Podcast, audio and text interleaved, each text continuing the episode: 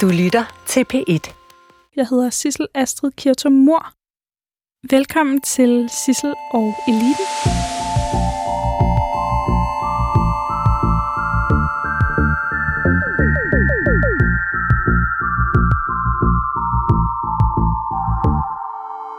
Bente Overgaard, velkommen.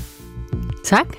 Du er for det første professionel bestyrelsesmedlem, men vigtigst af alt, så er du programdirektør for CBS bestyrelsesuddannelserne. Det er helt rigtigt. Tak fordi du vil være med. Jamen, det har været en, en, øh, en interessant invitation at få, så tusind tak for at blive inviteret.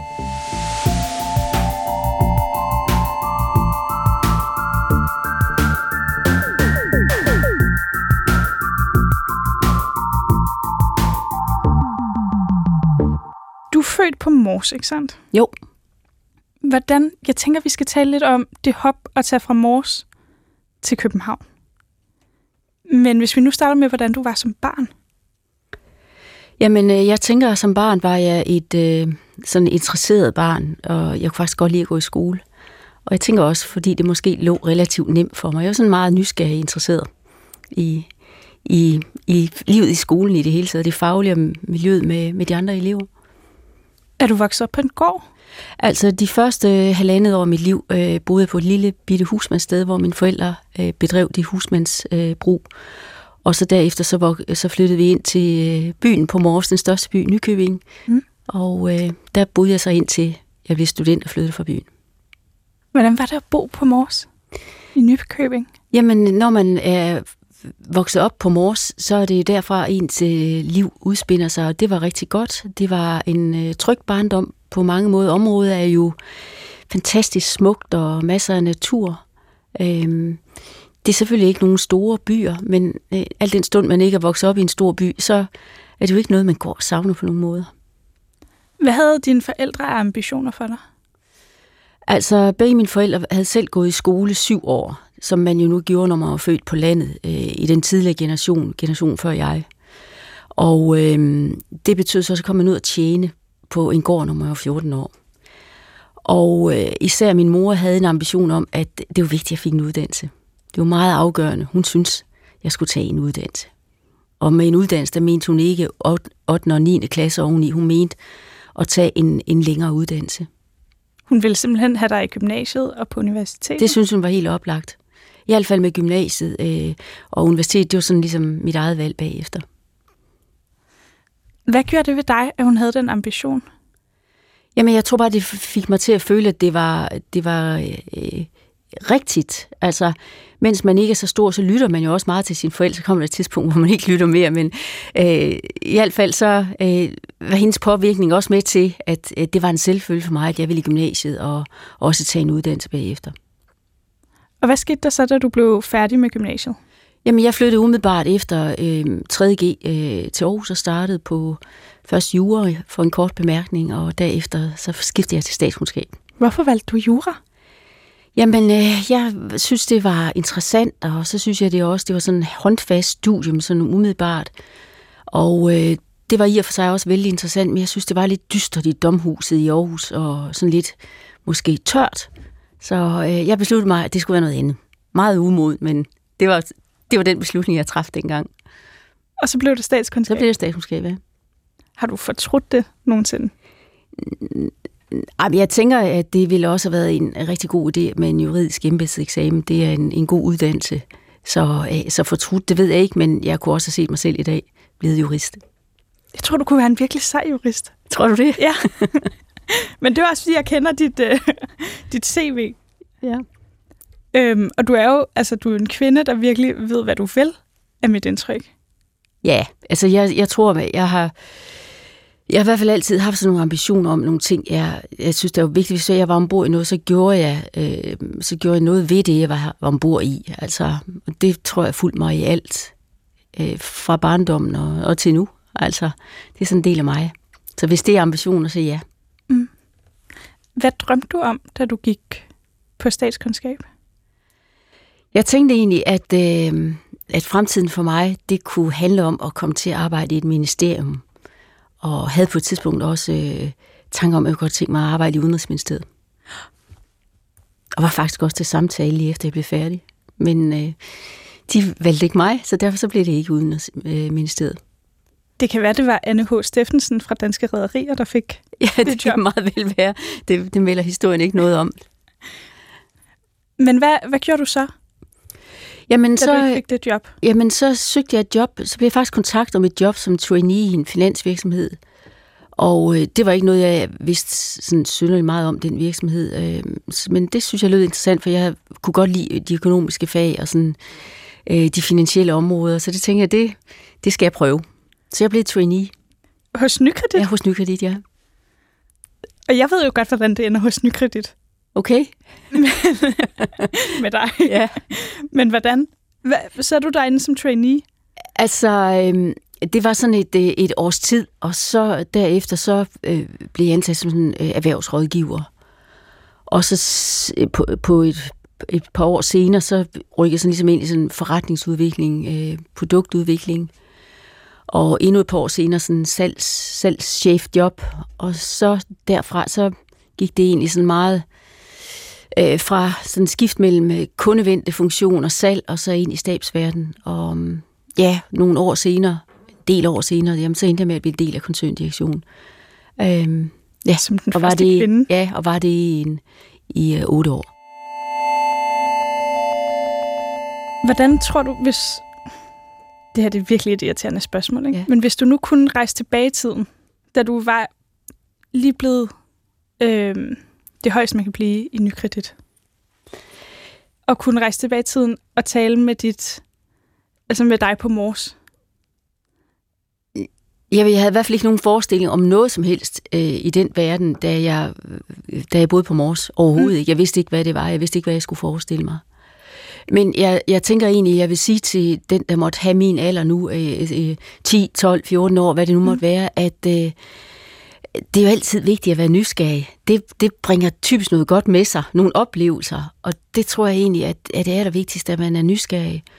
Og så tror jeg, at, øh, at det der råd om at få en uddannelse, interessere sig for uddannelsessystemet, det tror jeg også er, er, er meget, meget, meget afgørende, øh, at man også lytter til, hvis man har forældre eller lærere, der, der prøver at skubbe en i den retning, fordi det giver bare nogle, øh, det giver nogle muligheder, og dermed adgang til at blive endnu mere nysgerrig på nogle ting. Øhm, så det vil, jeg, det vil jeg egentlig tænke nu, mm. at, at det vil være godt øh, dengang. At jeg så ikke, da jeg var barn, havde nogen som helst forestilling om, hvad toppen af finansverdenen indebar. Det er sådan noget helt andet. Men jeg havde nysgerrigheden, og det tror jeg er vigtigt. Hvad indebærer toppen af finansverden? Jamen, det indebærer øh, en lang, lang række øh, spændende oplevelser. Det indebærer hårdt arbejde.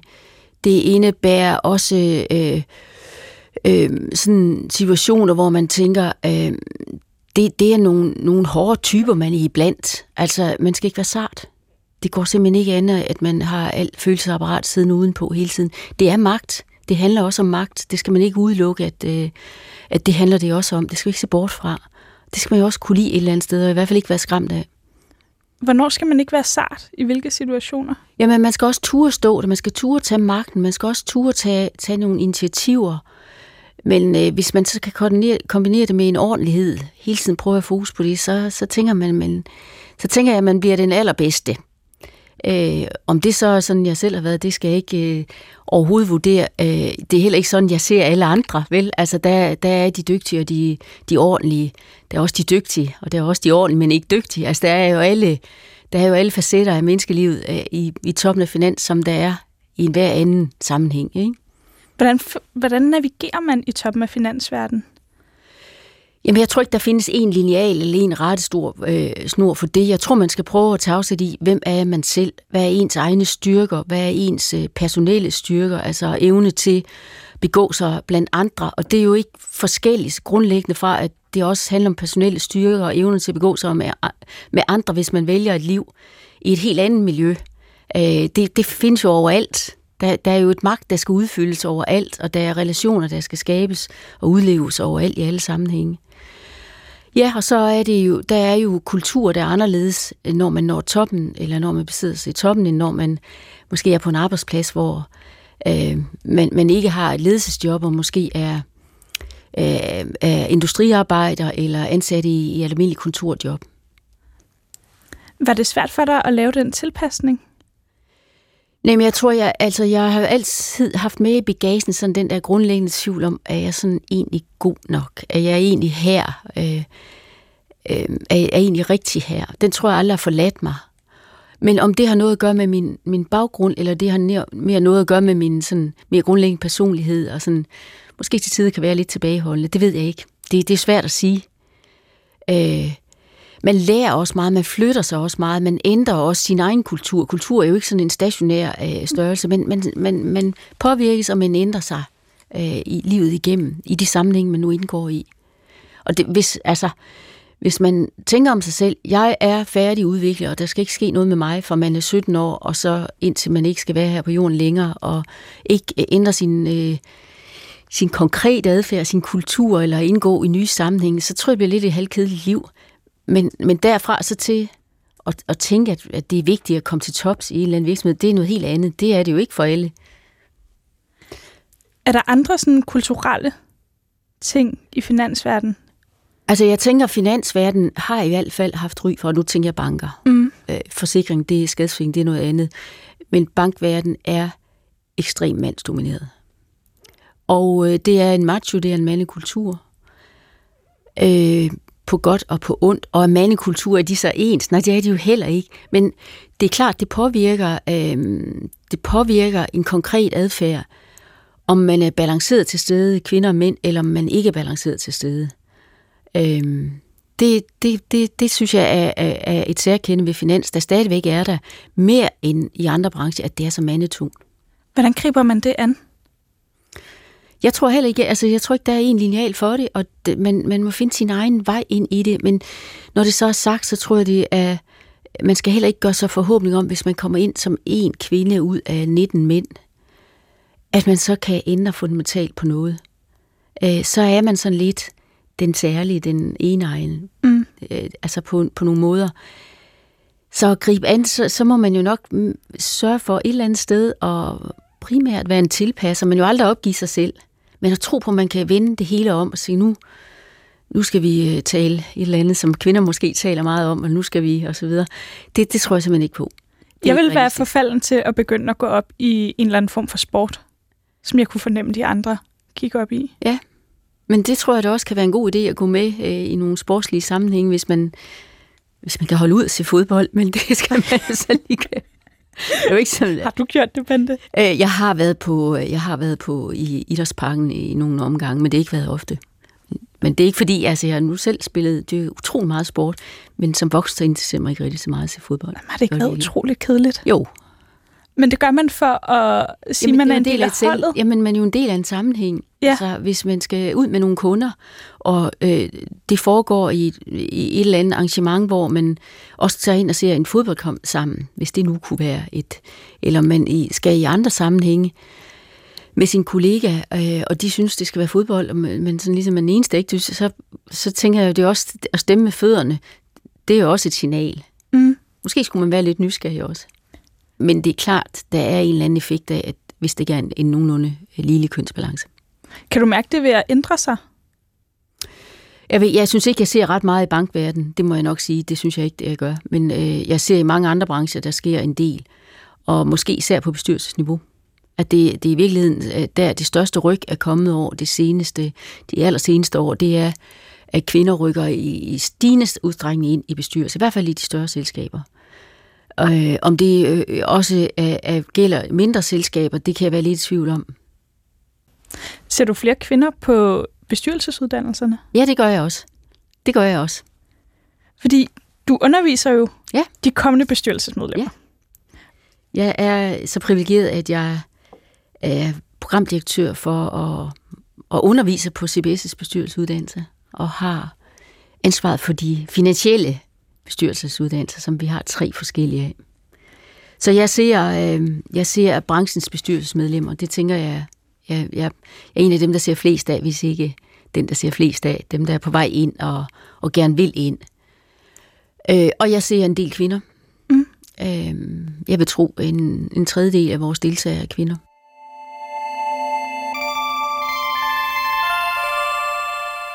Bente, en af grundene til, at jeg laver det her program, ja er fordi, jeg godt kunne tænke mig at blive en del af magteliten. Ja. Det er godt, du er nysgerrig. Ja, ikke? Ja. Og det, jeg hører fra de tidligere gæster, Ja. det er, at de siger, prøv at se, om du kan komme ind i en bestyrelse. Ja. Og de vil alle sammen have mig ind i en andelsboligforening, eller, ja, nu ryster du på hovedet, eller en vuggestue. Og det, altså, det tror jeg simpelthen ikke Nej. er godt nok. Altså, jeg hæfter mig ved det ord, du sagde, magteliten. Mm. Øh, Andelsboligforeningens bestyrelse og vuggestuens bestyrelse kan give nogle meget gode kompetencer osv., men det er jo ikke, det er jo ikke øh, ledelse af en virksomhed i den forstand. Nej, præcis. Og derfor så er der et skridt til det, vi traditionelt forstå ved magteliten. Mm. Det var årsagen til, at jeg rystede på hovedet. Det var ikke, fordi jeg synes, det var inde. Det kunne være spændende for dig, og et godt værv at have, og et vigtigt værv at rygte. Men hvis jeg skal ind i magteliten, Ja. og ind i en ordentlig bestyrelse, Ja. hvad gør jeg så? Altså, øh, mit første svar vil være, at du øh, skærper din øh, kompetencesæt. Så det er altid, du, altså fremtiden, der vil blive mere fokus på øh, faglige kompetencer, kompetencesæt i, i sin helhed for bestyrelsesmedlemmer. Der er sket et skift, og det er ikke færdigt. Så man skal have kompetencekortet i orden. Øhm, det, Og det handler om uddannelse? Ja, det handler om uddannelse og erfaring. Øh, Det er jo ikke kun et spørgsmål om at gå på CBS' bestyrelsesuddannelse i, i fem dage, eller 16 dage, eller hvad der nu måtte være øh, det aktuelle programs længde. Øh, Det starter jo et andet sted med, at man har et, et, et, et kompetencesæt fagligt og et erfaringsgrundlag, der gør, at, man skal i, i den ledelsesliga. Fordi hvis man tager sådan en typisk magthierarki hierarki i en virksomhed, så er bestyrelsen jo over direktionen. Altså, det er jo øh, bestyrelsen, der ansætter øh, direktionen. Mm. Så, øh, så jeg tænker, man skal have noget erfaring fra, fra øh, nogle nøgleområder. Typisk vil jeg jo sige topledelse, øh, men der sker også lidt nu altså på den felt. Der kan også være plads til helt nye kompetencer. Det diskuteres meget sådan, stadigvæk inden for ESG-området eksempelvis, altså behov for klimaeksperter. Øh, eksperter. er, det, det, er det den slags folk, vi skal i bestyrelser fremover? Øh, ingeniører med kompetencer inden for specifikke områder, der kan vejlede og rådgive og være med til at lede virksomheden øh, og spare med direktion øh, på nogle områder. For nu at nævne eksempler. Så øh, Vil det være en styrke, hvis jeg nu blev politisk aktiv? Ah. Vil det kunne noget? Men det tror jeg da også, det kan. Det er jo også en læring. Så øh, udvider du dit kompetencekort i forhold Mm. til nu. Men når det så er sagt, så vil jeg så sige, at øh, der er forskel på at være politiker, og så og det erfaringsgrundlag, og så det erfaringsgrundlag, der skal til for ligesom at lede en virksomhed. Men enhver erfaring tæller jo. Grunden til at spørge, om det kunne hjælpe at blive politisk aktiv, det er fordi, jeg har simpelthen ikke nogen uddannelse, Bente. Du har ikke nogen uddannelse. Overhovedet ikke. Nej. Men øh, er du, øh, du er jo godt på vej med en karriere alligevel. Ja, Så det kan jo godt lade sig gøre at lave, lave en, en fin karriere i nogle retninger, uden at have en formel uddannelse. Det er du et, et rigtig godt eksempel på. heldigvis. Ja, når jeg var før inde på, at jeg synes, det var vigtigt, men, men overvejet fik en uddannelse, så er det, fordi jeg, jeg anser det som den mest sikre vej. Og det er jo ikke lige med, at man ikke kan komme afsted uden en uddannelse. Jeg tænker bare, at det er den mest sikre. Mm. Øh, også i en verden, der er så kompleks som i dag. Og det er jo ikke lige med, at når man en gang har taget en uddannelse, så er man så færdig. Det er jo hele tiden bygge på, bygge på i livet. I liv og skole også, som du så gør også. Ved at, at prøve flere ting af. Vi talte før om din usikkerhed. Ja. Opstår den nogensinde i bestyrelsesarbejde for dig? Øh, det kan den godt gøre, men jeg vil sige, at øh, nu er jeg jo efterhånden ikke... øh, Altså nu er jeg jo noget godt stykke igennem livet, så det er blevet mindre og mindre. Og den der generthed, jeg grundlæggende er sådan set i verden med, den, er, den tror jeg, jeg lært at håndtere. Også sådan, at jeg egentlig tænker, jamen, jeg skal også være. Sådan er det. Øhm, så derfor så siger jeg, altså hvis du kan følge den tankerække, så det i, nu her, i den fase, jeg er i i livet nu, så er det ikke noget, som, som sådan egentlig dybest set øh, berører mig særlig meget mere. Men det har det været op gennem årene. Jeg virkelig sådan skulle arbejde med det. Hvordan arbejder man med det? Ja, man prøver, men man øh, Man træder ud svinger på sig dansegulvet. selv. Ja, det gør man. Fordi hvis man ikke prøver det, så, så forbliver det jo en forestilling om, huh, det er farligt, eller man skal ture, man skal våge, man skal være nysgerrig, og, og, og så gøre det. Også selvom man synes, det kan være lidt svært. Hvornår føler du dig egentlig mest sikker? Øhm, jeg er, forsøger altid, og jeg ikke forsøger, jeg er, jeg er godt forberedt, når jeg går til møder. Og det er en vigtig del for mig, at jeg, jeg, jeg er ikke sådan en type, der kommer øh, til et møde, uden at sætte mig ind i, hvad er det, vi skal tale om. Øh, er der nogen, der gør det? Ja, det, det tænker jeg, at det er der iblandt. Men øh, generelt så synes jeg, at, der, at folk forbereder sig godt og er klædt på til det, de nu skal øh, være en del af. Men vi kan jo have forskellige grader af, sådan, hvornår er nok nok. Ikke? Altså for mit vedkommende, så, så, så har jeg sat mig ind i de emner, også dem, der ikke sådan måske ligger mest lige for til mig at have, have de, de mest bidragende synspunkter omkring. Øh, det, det er sådan bare vigtigt for mig. Det synes jeg sådan er en god, god hvad skal man sige, tilgang til, til bestyrelsesarbejde.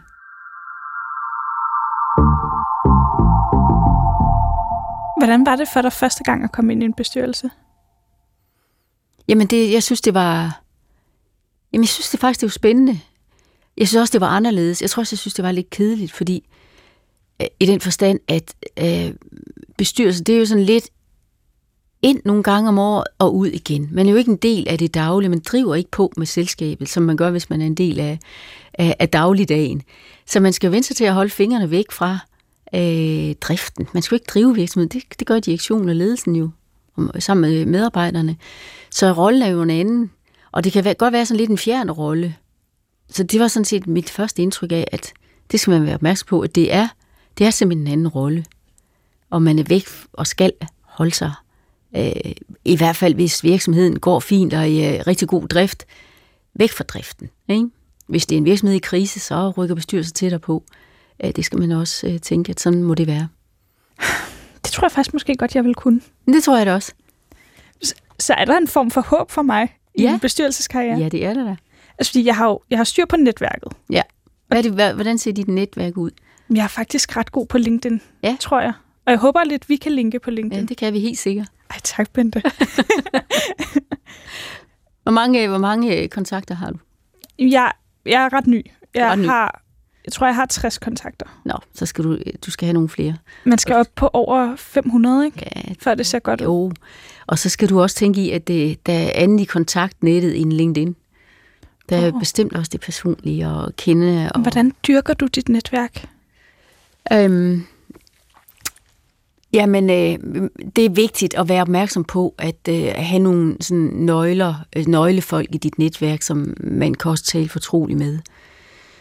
Det er også øh, vigtigt at øh, huske det gennem livet, og nu er du så ung, og øh, måske med små børn, og på et tidspunkt, hvis ikke nu, så... så får Ingen børn. Eh, nej, det, det kunne jo komme på et tidspunkt ja. med små børn, så, så bliver det jo tiden jo knap.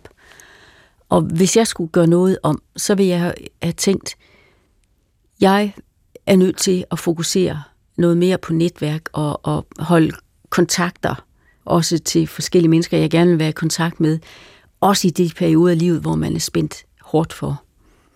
Og så er det måske noget med sådan lidt uleset i Danmark, øh, i nogle kredse, det er at få købt sig til noget hjælp. Altså, øh, hvis, du, ja, hvis, hvis man er så heldig, at man har råd til at købe sig til lidt hjælp på rengøringsfronten eller på anden måde, sådan at man kan få plads til det, der også skal til. Det vil i hvert fald mit råd til unge familier, at, øh, at man skal ikke opgive sit netværk, heller ikke det faglige og sådan, det sådan professionelle, øh, mens det er hårdt. I kultureliten, der er mit indtryk, at der mødes man på tennisbanen. Mm. Hvad gør man?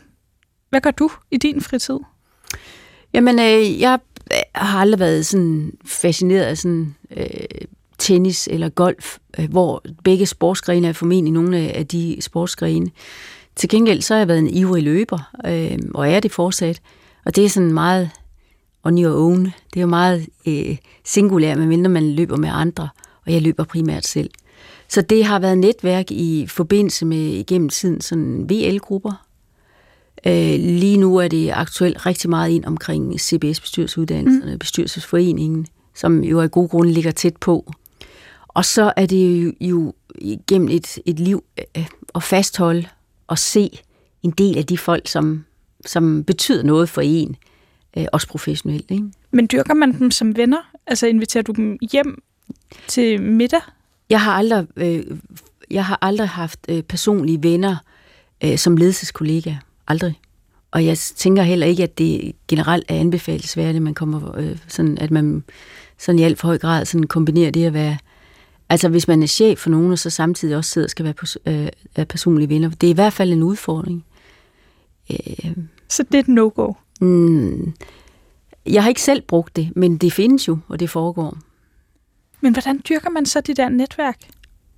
Altså, hvad jo, men jeg, om? det er jo ikke, fordi jeg ikke har sådan øh, øh, folk også fra, fra toppen, eller sådan fra det, du kalder magteliten mm. i mit netværk, som jeg ses med. Det er bare ikke nogen, jeg arbejdskollegaer med altså tæt, har været tæt og arbejdskollegaer med. Det har, sådan, det har for mig aldrig været sådan ligesom den rigtige måde at, at knytte kontakter. Det har det ikke. Men jeg kan jo se, at andre gør det. Så det skal man jo selv gøre op med, hvordan man synes. Jeg lover, at jeg ikke inviterer nogen på middag. Ja. ja, det håber jeg virkelig ikke. Bente Årgaard, det er simpelthen det, vi når for i dag. Ja. Vil du måske være min bestyrelsesmentor, hvis jeg kommer ind i en bestyrelse? Det er en aftale. Hvad er egentlig dit mest magtfulde telefonnummer i din telefonbog? Til andre? Ja. Ah, det tænker jeg, det er til mine børn. De, er, de har sådan gennem årene haft magten over mig, sådan på godt og ondt. Skal de egentlig også være en del af magteliten? Det ved jeg ikke, hvad de skal, men de har jo øh, de har valgt lidt som deres mor. Der er to økonomer, og, øh, ja, kan mærke fire, og så den tredje øh, skal starte på jord. Jamen altså. Men altså, om de skal bruge det til øh, det ene eller det andet, det vil tiden jo vise sådan, gennem deres liv. Må ikke der kommer en bestyrelsespost eller to? Det vil tiden vise. Tusind tak, fordi du vil være med. Selv tak.